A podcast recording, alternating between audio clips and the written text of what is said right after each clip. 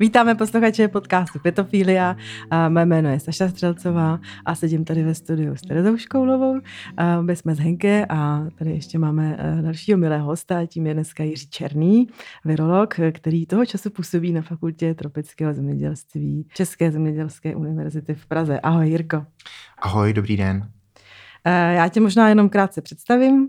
Možná jste eh, Jiřího Černého zastihli během eh, jarního covidového maratonu, ale shodli jsme se na tom, že tady o tomhle tomu úplně moc nechceme mluvit, tak chceme se vlastně spíš zaměřit na to, co, eh, co děláš kromě covidu a i třeba to, jaký vztah máš ty k, k přírodě a k rostlinám osobně.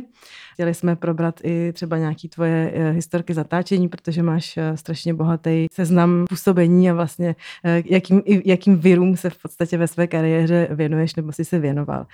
Získal si doktorát z genetiky, molekulární a buněčné biologie na Přírodovědecké fakultě Jeho České univerzity v Budějovicích, v Českých Budějovicích.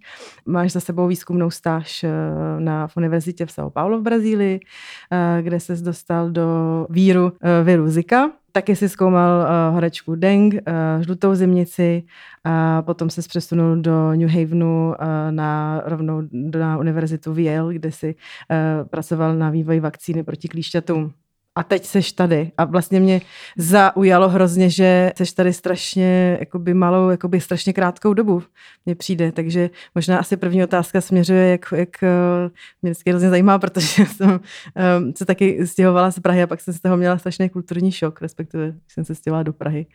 Um, tak mě zajímá, jak vlastně, eh, jak se ti tady teď bydlí po tak strašně dlouhé době v, zahra- v zahraničí. Tak eh, mně se tady líbí dobře. A vlastně já jsem se ještě předtím, než jsem šel do Budějovic, taky stěhoval z Prahy a ještě předtím do Prahy, ah. protože bakaláře a magistra jsem dělal tady na přírodovědě na univerzitě, na univerzitě Karlově a přechod z venkova, že jo, z Domažlic do Prahy, tak to byl první kulturní šok s bydlením na jižním městě, na kolejích. Skvělý. Tam to nebylo úplně jako nic extra, ale měli jsme tam perfektní partu a bydlelo se nám tam úplně úžasně kvůli tomu. Pak přesun z Prahy do Budějovic zase znamenal to, že se člověk dostal na menší město, ale byla tam kompaktní skupina lidí, prostě, kterým sebou drželi a, a bylo to taky krásný. No a potom z Budějovic do Brazílie, do São Paula, tak to byl asi ten tak úplně největší, největší kulturní šok, uh, protože já už jsem sice předtím několikrát jako v tropech byl a viděl jsem i nějaký jako větší města, ale São Paulo je město, kde když sednete do autobusu, do metra a do autobusu a, a tak, tak vám trvá 4 až 5 hodin, než ho přejedete, bydlí tam 20 milionů lidí, to je jako dvě České republiky prostě v jednom městě.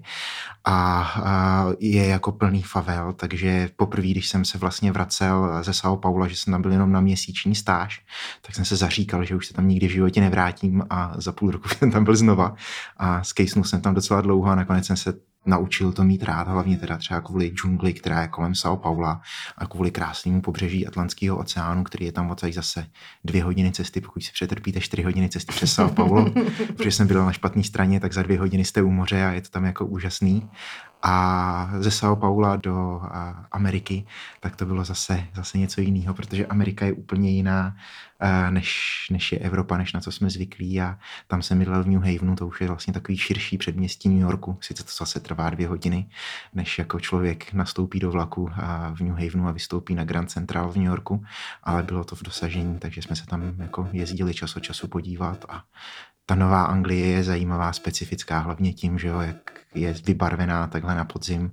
Teďka to tam znova začíná, prostě všechny ty krásné stromy, všechny ty javory a, a, další stromy, co tam rostou, tak prostě se barví do žluta, do, do zlata, do červena, do hněda, je to fakt jako zajímavý. No a návrat zpátky do Prahy, tak to jsem se vlastně vracel domů, to bylo perfektní. Tady mám zázemí, manželku, už jsme si tady vlastně předtím koupili barák, tak to už jsem se těšil, že budu s manželkou, s dětma. No jak? Můžu, no, můžu, můžu, no já totiž ale jsem, jo, ty no, já totiž jsem hrozně zvědavá na to, co, já jsem samozřejmě si dělala nějakou rešerši, jo, ale stejně jsem se úplně nedoklikala k tomu, co obnáší být virolog. Jako jestli to je fakt jenom práce v laborce, nebo jestli to je něco, co opravdu zkoumáš i jako v průběhu nějakého svého pobytu třeba v přírodě, nebo tak, nebo jak to jako probíhá, když jsi virolog. Tak to záleží, co si vybereš. Jo? A vlastně v celé vědě máš několik takových hlavních přístupů v dnešní době, eh, kterým se eh, můžeš věnovat. Eh, Takový ten pro vědce asi nejvíc sexy a nej, nejvíc hodnocený, tak je právě ta laboratorní práce, kdy člověk jako má nějaký vzorky, se kterými nějakým způsobem pracuje, charakterizuje je, snaží se hledat eh, nové věci, objevovat nové souvislosti. A když děláte tady tuhle tu vědu, tak vlastně můžete zůstat v laboratoři celý svůj život a, a pracujete na nějakých buněčných liních, na nějakých virových liních, který prostě nějak máte už jako delší dobu, jsou z nějakých biobank a tak a nemusíte vůbec vystrčit nos ven. Pokud je člověk ještě víc takový jako indorový typ, tak se v současné době dělá věda bioinformatická, výpočetní, kde se všechny mhm. vlastně záležitosti předtím, než se vyzkouší v laboratoři, tak je dobrý je zpracovat takzvaně in silico, jako v počítači, mm. namodelovat si to a zjistit, jak by to mělo fungovat a pak tu teorii ověřovat právě v té laborce.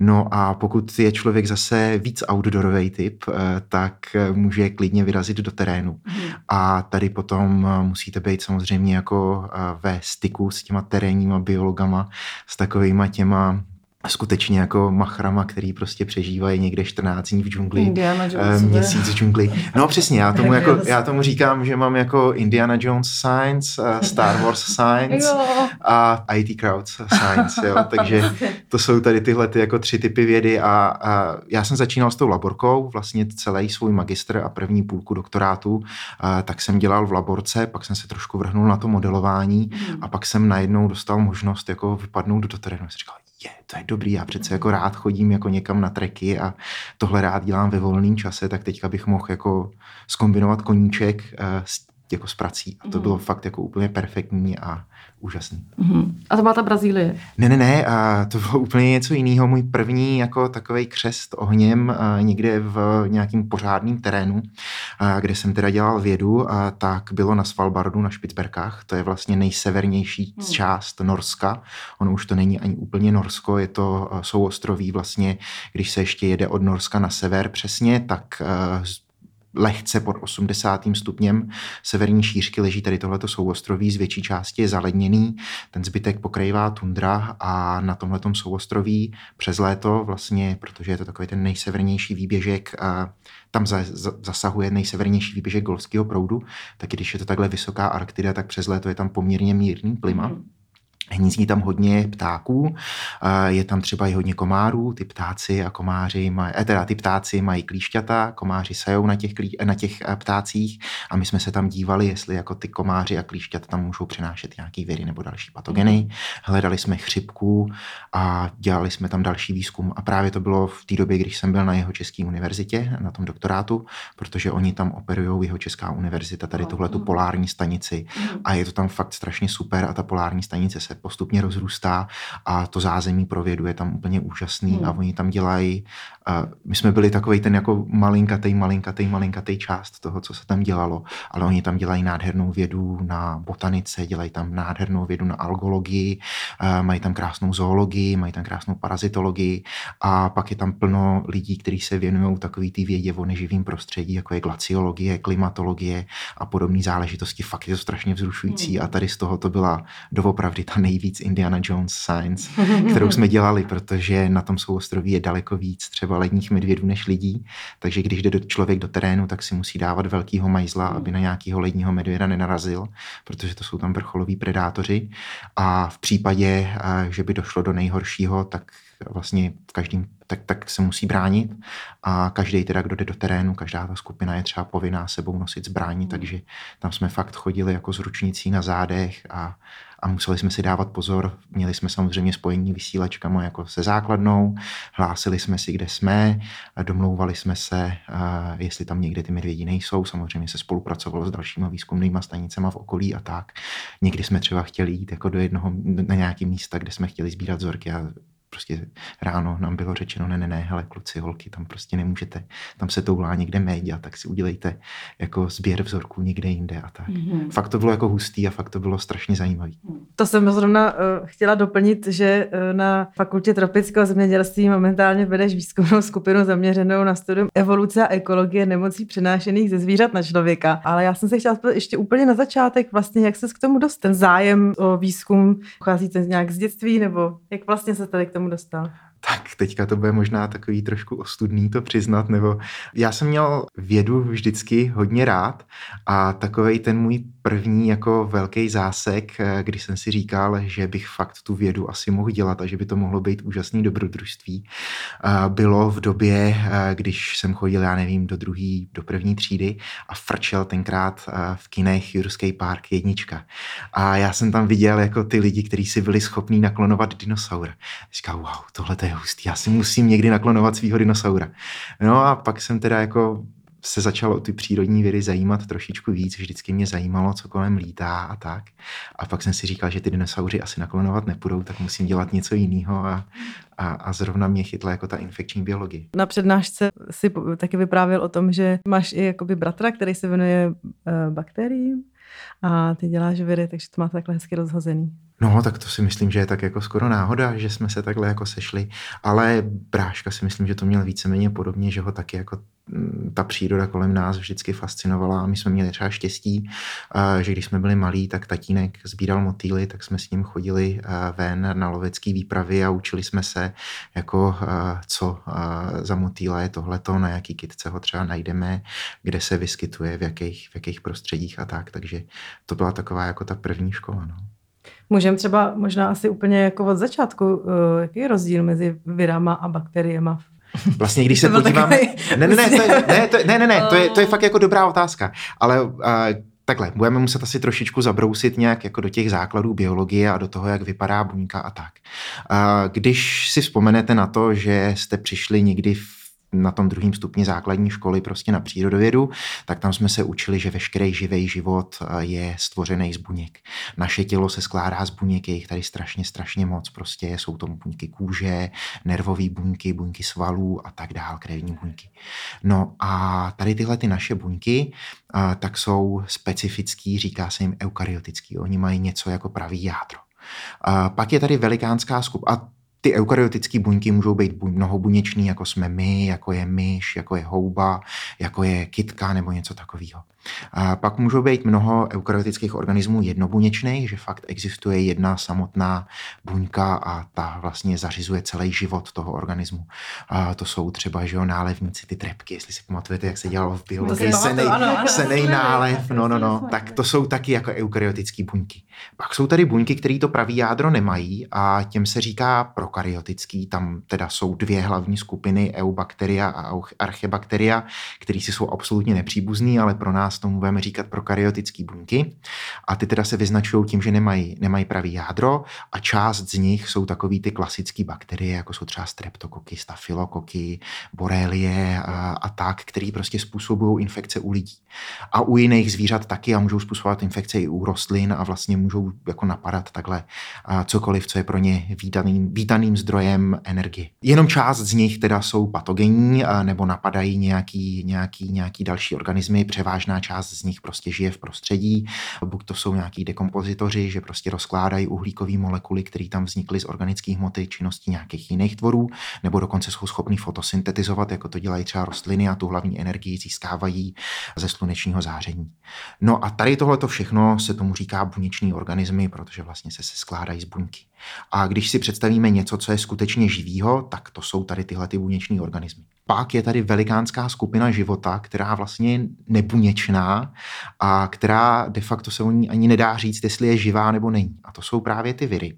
Protože samotný virus, když se podíváte na takovou tu virovou partikuli, na takovou tu virovou částici, kterou, eh, když máte chřipku a prskáte nebo rýmičku, kterou nakazíte někoho jiného, eh, tak ta partikule je vlastně jenom schluk proteinů a nukleové kyseliny, občas jsou tam ještě nějaký lipidy a tak, ale nemá žádnou svoji eh, metabolickou aktivitu, ona sama nic nedělá, není schopná vyrábět žádnou energii, prostě je to jenom ta informace v nějakým proteinovým kabátku zabalená.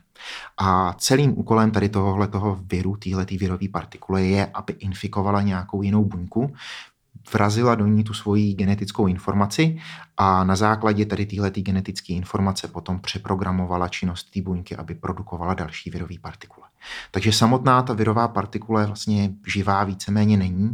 Ten virus oživne jako v tom okamžiku, když infikuje nějakou buňku tak trošku ze srandy se dá říct, že vlastně on změní tu buňku na nějakou zombie buňku, která prostě už neplní svoji hmm, původní roli, jasně. ale začne plnit, začne sloužit tomu viru. Ty buňky se samozřejmě nějakým způsobem brání, dost často radši spáchají sebevraždu, eh, než aby jako takhle pro ten virus pracovali. To je třeba případ jako v eukaryotických organismech v lidském těle. Eh, jedna ze základních obran proti virové infekci. Ten virus zase vytvoří v cistý napadený buňky velikánský množství virových partikulí a doufá, že část z nich bude schopná infikovat buď to buňky, jiný buňky toho samého hostitele, nebo dokonce jiného hostitele. Na viry neplatí antibiotika. Ne, ne, na viry neplatí antibiotika. Antibiotika byly vymyšlený že jo, a na, ve 30. a ve 40. letech 20. století tak, aby právě inhibovali růst bakteriálních buněk. To první antibiotikum, že jo, který uh, vymyslel Fleming, tak byl vlastně penicilin a ty antibiotika jsou nějaký nízkomolekulární látky, které jsou zacílený tak, aby jednoduše řečeno zadřeli nějaký jako biochemický proces, který je důležitý pro ty bakterie. Na viry můžou platit antivirotika.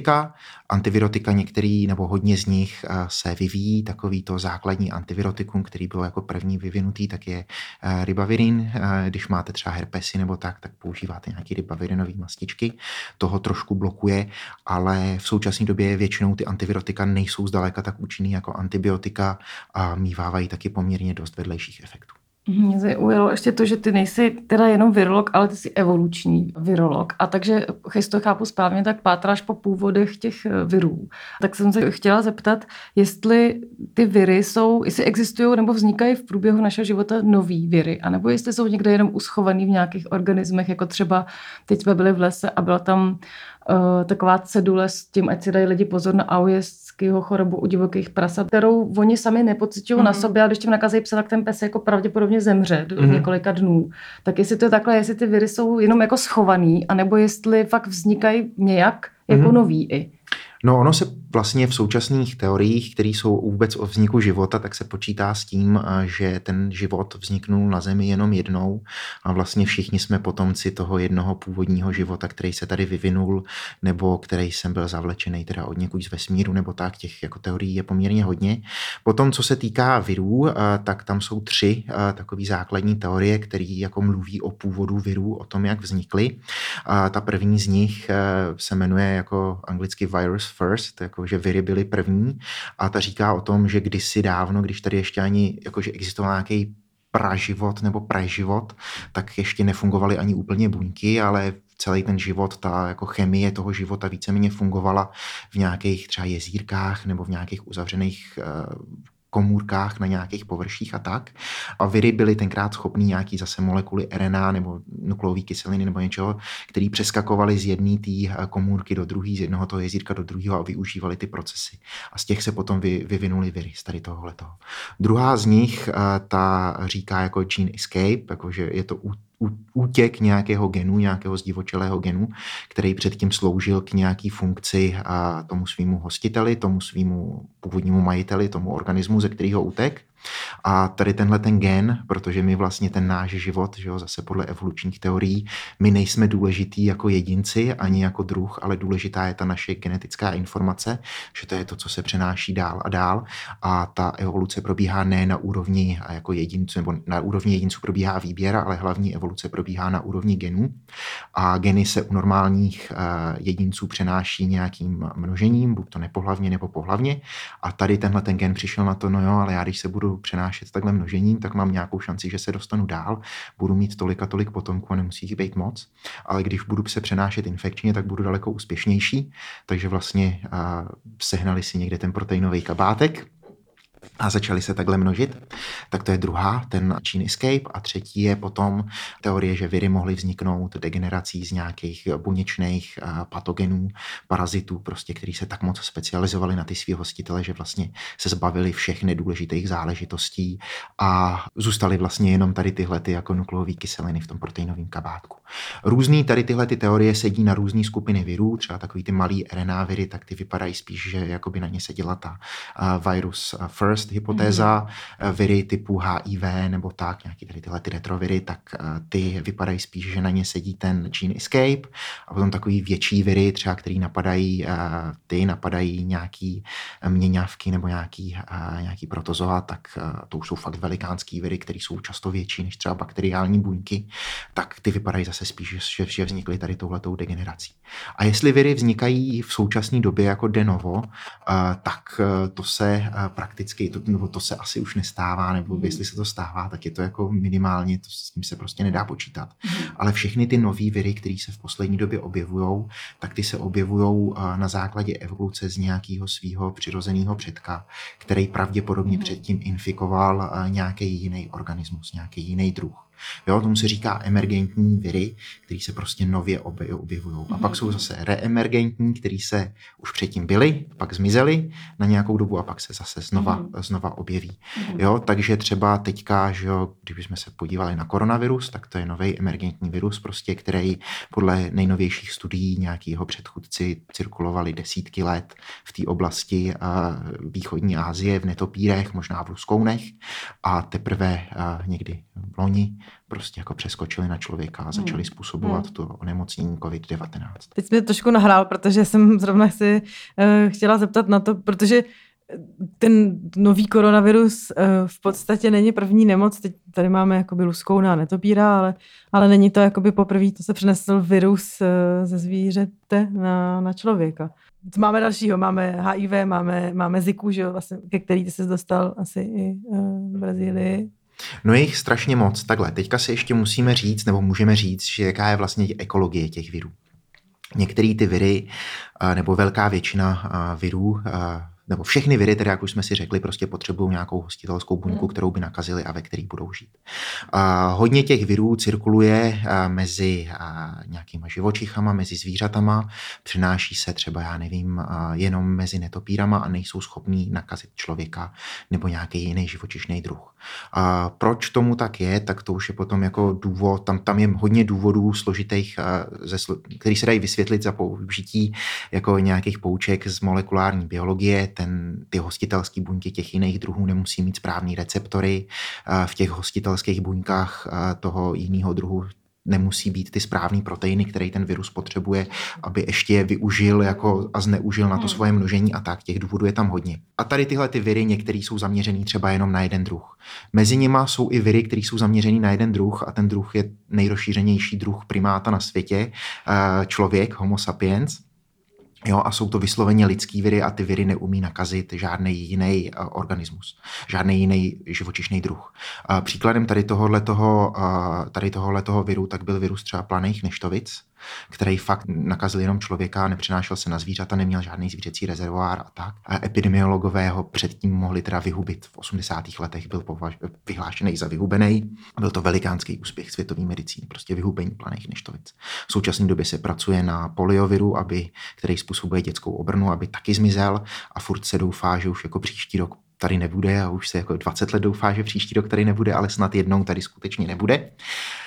No a takovýchhle virů, který teoreticky jde vymítit, tak je veliká, nebo poměrně velké množství, jsou to třeba spálničky, spálničky, příušnice a tak dále. No a pak tady je velké množství virů, které se můžou přenášet mezi velkým množstvím různých jako živočišných druhů.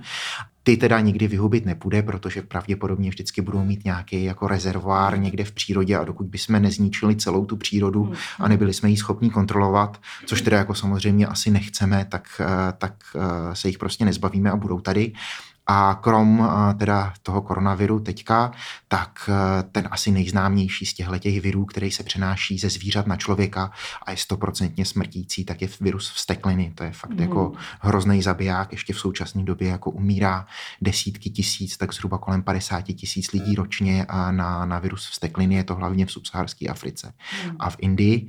A jejich potom další velikánské množství jsou to třeba a ty jsou to třeba ptačí chřipky, které vlastně cirkulují v populaci ptáků a čas od času můžou nakazit člověka. Ty nejvíc patogenní ptačí chřipky naštěstí se nejsou schopní šířit dobře mezi lidma, a což by byl velikánský průšvih, protože oni mívávají velikánskou smrtnost, často kolem 50 i víc procent, takže to, je, to, to, to, by, byl, to by byl průšvih. Kdyby se, to nechcem, kdyby se šířily dobře jako normální chřipka, to by bylo špatné. No a třeba i jako ten eh, virus žlutý zimnice, na který jsem pracoval v Brazílii, tak ten normálně taky cirkuluje v takzvaném jako silvatickém cyklu, kde je to opička komár, opička komár, opička mm-hmm. komár a čas od času ten komár jako nakazí, nakazí člověka člověk. a člověk se tímhle tím nakazí, jako tím, tím tou žlutou zimnicí nakazí a pak nedej bože v případě, že je tam hodně komárů, který žijou takzvaně synantropně, to znamená jako s člověkem, mm-hmm tam ten nejdůležitější druh komára v tomhle případě se jmenuje Aedes aegypti. Uh, já nevím, jestli je to český komár egyptský Jasně. nebo nilský nebo tak nějak. A ten teda umožní potom ještě i namnožení toho viru zase, aby se šířil třeba čistě jenom mezi lidma. Je to člověk, komár, člověk, komár. A tady tohle to způsobuje velikánský třeba outbreaky té žluté hmm, zimnice. Jo, klíšťová encefalitida je taky zónoza virus, vlastně, kde normálně cirkuluje mezi hlodavcem a může nakazit člověka. Můžu se zeptat teda, když jsme probrali divoký prase, ptáky, hmyz, jestli existuje virus, který se takhle šíří z rostlin, je to možný? Existuje Hele, to? Eh, ne jako na člověka, ale existují viry, zase eh, je to velikánská skupina virů, které jsou teda ekologicky podobný, protože se uh, sdílejí jednu niku a ty se šíří a rostlina hmyz, rostlina hmyz a mm. používají jako ke svému přenosu třeba mšice nebo nějaký další hmyzáky, který žerou jako části těch rostlin a tady tyhle ty viry jsou velmi jako zajímavý a srandovní, protože to jsme třeba u lidí nikdy, u lidských nebo u zvířecích virů se to nikdy nepozorovalo a zvířecí viry vždycky mají všechnu svoji genetickou informaci schovanou v jedné té partikuly. A tady tyhle ty arboviry, které jsou přenášený na rostlinách, tak můžou mít ty svoje genetické informace schované v několika partikulích a vždycky potřebují všechny ty partikule s, jako infikovali tu samou rostlinu a tak. Mm-hmm. Takže tady to je jako z pohledu toho živočišního virologa velmi obskudní záležitost. Mm-hmm. Nicméně pro rostlinný virologie tady tohle to je jako skoro denní chleba. No a ještě, když jsme u těch rostlin, tak kromě toho, že taky občas mají viry, tak spoustu hlavně jakoby bylin, se využívá, ať už v tradiční medicíně nebo pak třeba i v nějakých výzkumech, jako antivirotika. A je to v podstatě takovej Uh, jestli jsem to správně pochopila, tak uh, spoustu z těch rostlin v podstatě nikdy ani in vitro, tak respektive v laboratoři i v těch studiích v podstatě jakoby třeba byly, jako bylo dokázáno, že prostě určitý jakoby benefit nebo určitý jakoby léčivý účinky mají, ale samozřejmě prostě za A není to nic ve srovnání s vakcínou uh, starou dobrou, nebo prostě je to, je to jakoby pořád je tam ještě velká práce a velký, jako, to, to velký pole pro další výzkum. Ale možná, jakoby, možná by bylo dobrý třeba říct, jaký, že často se udávají kitky typu, nebo um, bylinky typu echinacea, uh, rozmarín, oregano, No, to jsou v podstatě bylinky, které se velmi často využívají uh, v tradiční medicíně nebo prostě v nějaký doma jako přírodní prostě medicíně, čaje a tak dále. Uh, jak se tady na tohle ty díváš? Díváš se na to jako, že skrz prsty, prostě ne, tohle to není jako ta věda v podstatě, nebo díváš se na to tak, že to je jako cute a jasně dělejte si čajíčky, nebo jaký vlastně ty máš pohled na uh, přírodní léčiva Hele, já tady na tohle to mám pohled eh, velmi přátelský a doufám, že je i otevřený. Je tady několik úrovní, eh, na který tady tyhle ty přípravky můžou fungovat. Ta první a nejzákladnější tak může být čistě placebo efekt a jako nemá cenu si nalhávat, že placebo efekt sám o sobě není důležitý, protože naše psychická pohoda tak eh, samozřejmě má velikánský dopad na to, jak jsme odolní i z hlediska imunity. Jo, když je člověk nebo i jakýkoliv jiný tvor tvor v nepohodě, tak eh, exprimuje spoustu stresových hormonů. Na ty stresové hormony reagují eh, nejenom eh, jako různě, různé části jeho těla, ale reagují na ně třeba i jako ty vaše patogeny.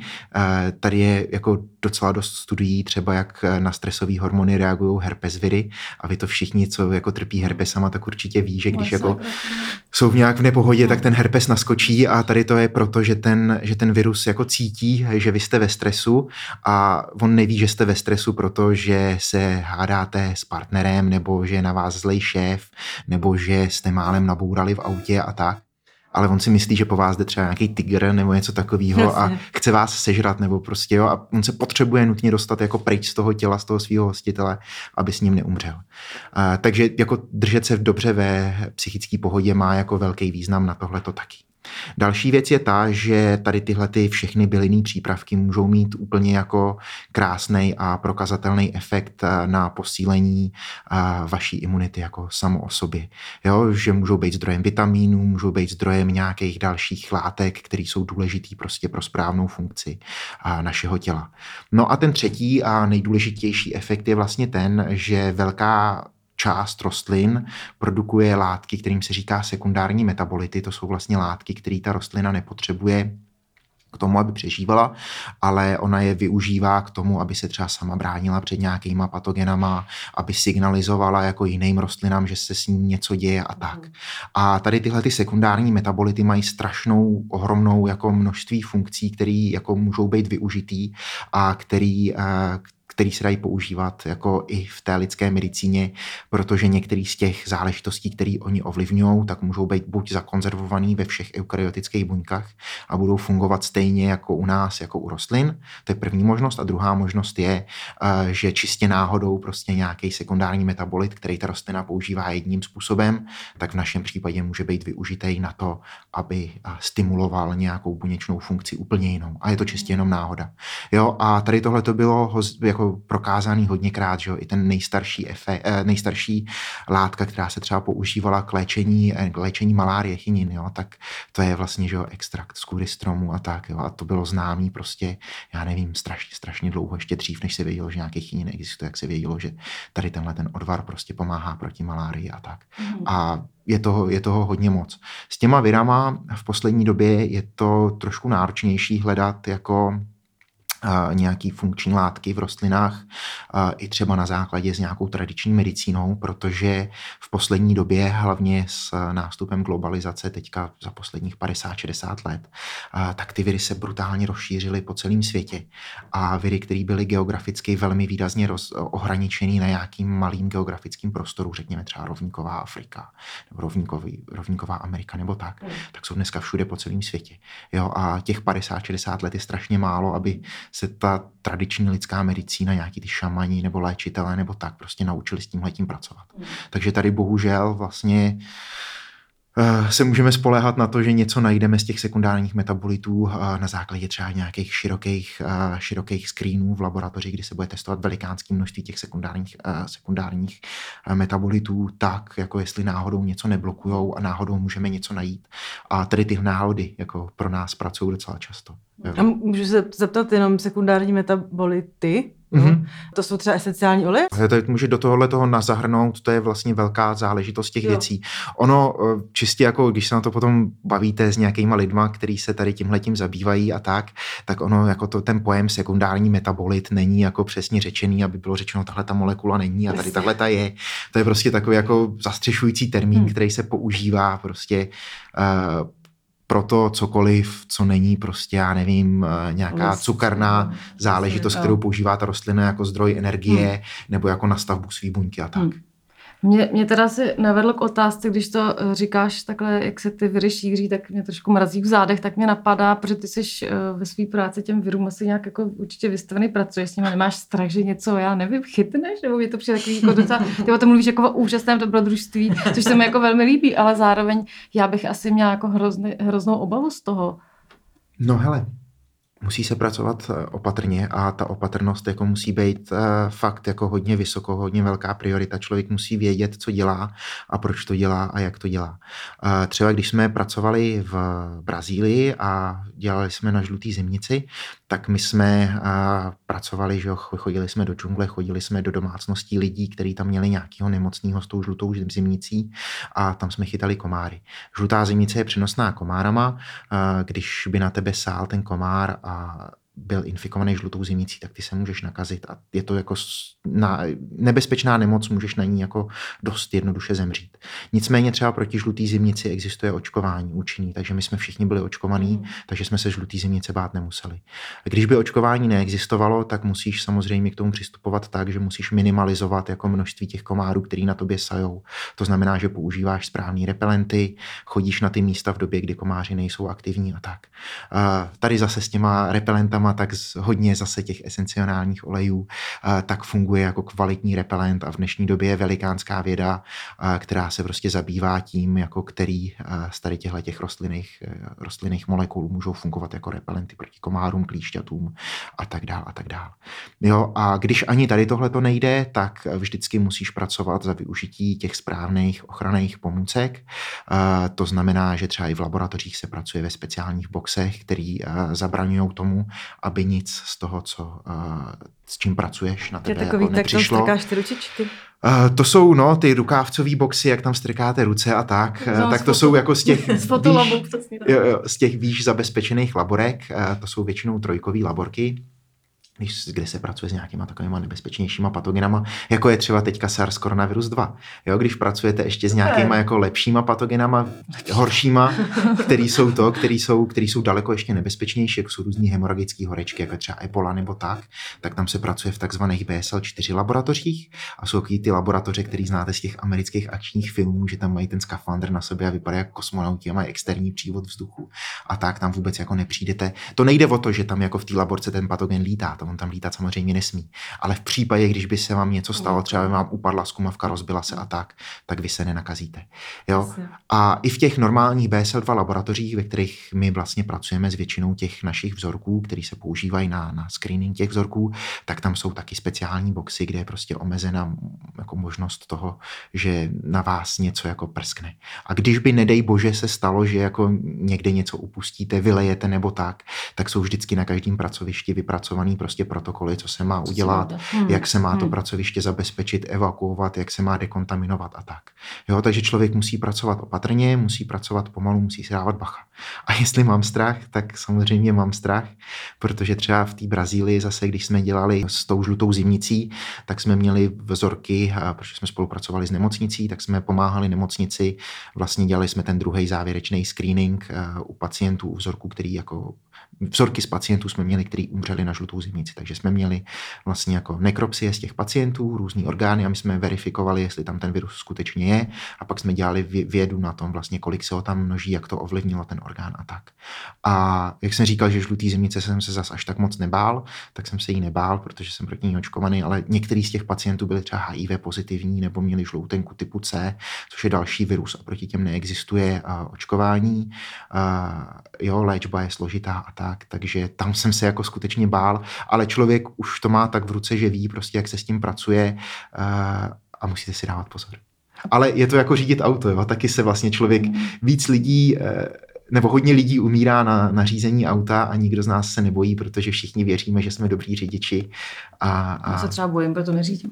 ale, ale Eh, ještě mě napadlo, jestli, jestli používáš teda nějakou prevenci proti tomu, nejenom strachu, ale přímo proti tomu, abys něco takhle, jak jsi mluvil o té imunitě, tak jestli ty sám se chrání ještě nějak takhle jakoby dodatečně, kromě těch, eh, jak jsi řekl, předpisů v laboratoři. Jestli... No tak já jsem očkovaný proti čemu, proti čemu se očkovat dá, já se strašně rád jako nechávám očkovat. Eh, jsem možná takový trošku jako hypochondr tady z toho, ale když je nějaký nový, očko, když je nějaký nový očkování, tak já ho, já ho rád jako na sobě vyzkouším. A to je první věc. A druhá věc je ta, že se snažím být fit no, a v pohodě a dávat si pozor, ale já si nemyslím, že je dobrý jako se přestat bát, protože člověk by se jako bát hmm. měl, protože pracuje s něčím, co jako fakt jako nebezpečný je.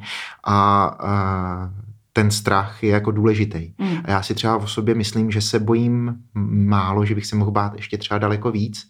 A když jsem viděl některý svoje kolegy, tak ty se bojí daleko víc a jsou daleko pečlivější a možná je to třeba daleko jako lepší, protože pak můžou pracovat daleko, daleko líp. Znám třeba jako historky o lidech a to jako to je takový to z druhé ruky, jedna paní povídala, eh, že to byli lidi, kteří pracovali v těch PSL4 laboratořích, v těch jako skafandrech s tou, eh, s, tou, s, tou, s tím největším zabezpečením, v těch skafandrech, v těch laboratořích s největším zabezpečením, s těma největšíma zabijákama.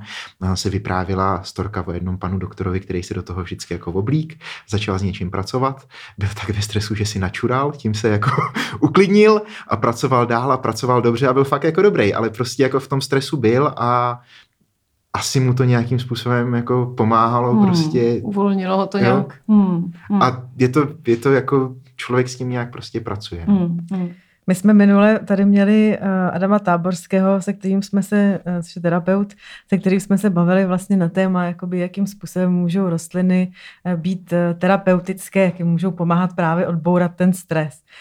Je, jsou třeba kitky, ať už to jsou pokojové rostliny, nebo prostě třeba jenom nějaký útěky a, a procházky v lese. Je to třeba něco, co ty osobně máš rád a, a, a taky je to pro tebe určitá forma terapie nebo odreagování se od tady těchto těch jako stresových situací. No jasně, stoprocentně. Já jako si dokážu představit, že bych jako neměl možnost uh, ne ani jednou denně, ale spíš několikrát denně vypadnout někam jako ven a jít se jít se projít pod stromy, který jako šumí ve větru a tak. Pokojových kytek moc doma nemám, protože nejsem dostatečně zodpovědný na to, abych se o ně staral. A, a manželka se teda snaží víc. Ale... Máte krásný skleníky, takže se vůbec nevadí. no a do těch teda bohužel zase tak často nezavítám, ale teďka, že jo, budeme mít nový pavilon tropického zemědělství u nás na fakultě a ten je hnedka vedle vlastně malých lesíků a je tam nádherná ta, je tam nádherný, a, nádherná botanická zahrada a na zemědělské univerzitě Libosat se jmenuje a tam teda chodím rád a teď, když je takhle venku pěkně, tak si třeba děláme meetingy jako v tom Libosadu, že místo toho, aby jsme seděli někde v zavřené místnosti, prostě tak si jdeme sednout ven na sluníčko a máme sebou desky a propisky a tam si píšeme, co jako máme dělat a je to, je to daleko větší pohoda, než sedět hmm. jako někde vevnitř. To zní krásně.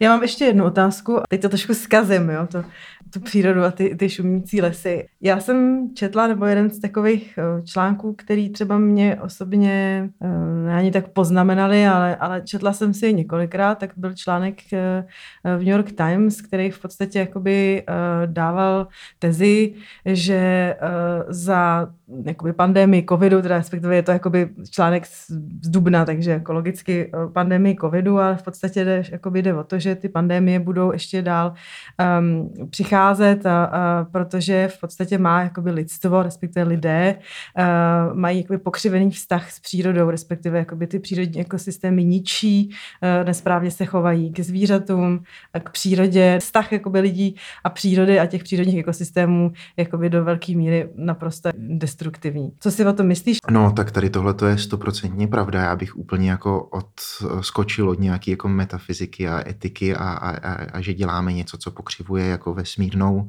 energii a tak. Tady tohle to má fakt jako jednoduchý biologický vyšetři, eh, vysvětlení. Pardon. A nás na Zemi je teďka velikánský množství, nás tady 7,5 miliardy, prostě tolik lidí, jako ta planeta Země nikdy neviděla. A každý z těch 7,5 miliard lidí prostě chce přežívat jako dobře, to znamená, že se chce dobře najíst, slušně se oblíct, přežívat ne jako ze dne na den a z, huby, z ruky do, ruk, do huby a tak. E, to znamená, že my potřebujeme ohromné množství prostě zdrojů a spotřebováváme je, potřebujeme ohromné množství orné půdy, musíme chovat velikánské množství zvířat, prostě, který nás nakrmí a nasytí a tak. A aby jsme tady tohleto zabezpečili, tak e, my fakt se musíme rozpínat do míst, kde předtím člověk nikdy nebyl, nebo když tam jako žili, tak tam žili malý komunity prostě lidí, kteří neměli kontakt s jako se zbytkem lidstva. Celý lidstvo a zase neříkám, že to je špatně, já to mám rád, je globalizovaný. Prostě vy si můžete jako dneska usmyslet a večer sedět jako to v New Yorku a pozítří ráno v Buenos Aires a pak to říct přes Peking domů.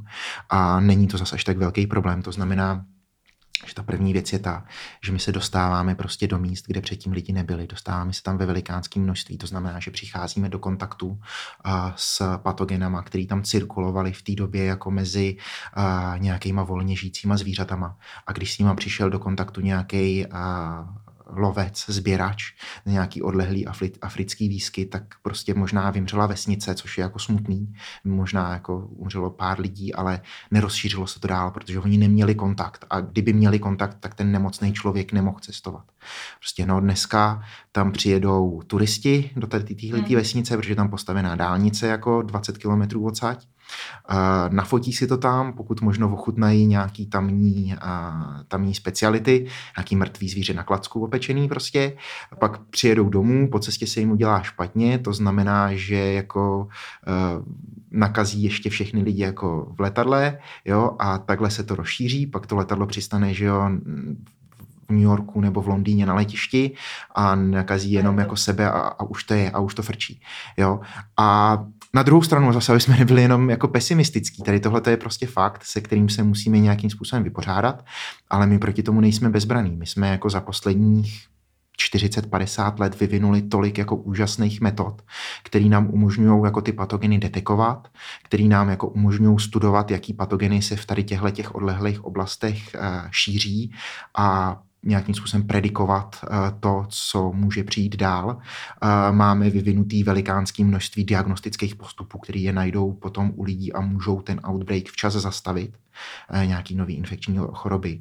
Máme eh, vynalezený úžasný možnosti, jak vyvíjet rychle nové vakcíny, jak eh, vyvíjet nějaký terapeutický, terapi, terapeutický přístupy a tak. Sdílíme jako pomocí moderních informačních technologií vlastně informace skoro přímo v reálném čase, což je někdy až jako strašidelný, protože může dojít zase k nějakým informačním biasu a, a je těžký už se v tom vyznat.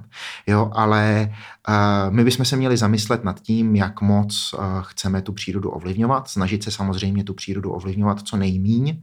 Nicméně jako tady tomuhle tomu neutečeme, prostě my to hmm, musíme přesně. dělat. A měli bychom se zamyslet nad tím, jak jako budeme, budeme jak budeme žít. Jo. To, že bude další epidemie koronaviru, tak, nebo může být další epidemie koronaviru, tak to se vědělo, protože po té době, co byl SARS, ten, ten klasický, ten první SARS v roce 2003-2004, tak se dělali velikánský výzkumy v celé východní Asii a ono se ukázalo, že tam je hodně těch koronavirů, který tam cirkulují mezi netopírama. No a že ta pravděpodobnost je veliká.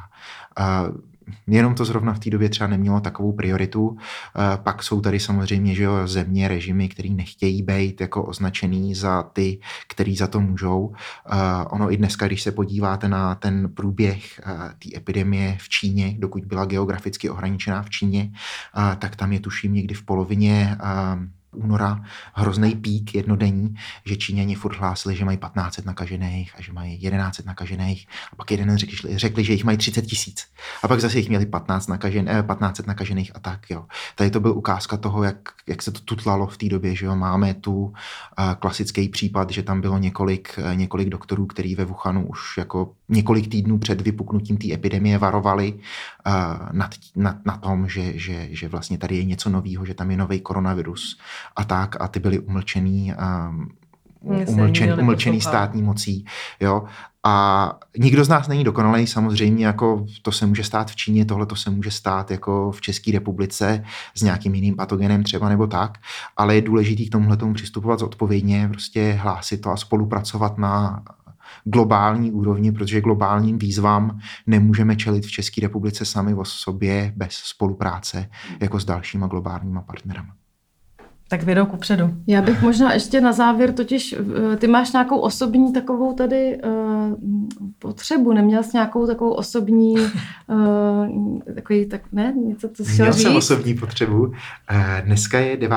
září a moje maminka má narozeniny, tak já bych jí chtěl popřát, maminečko, všechno nejlepší k narozeninám a měj se pěkně, když to uslyšíš až chviličku později. Tak ahoj.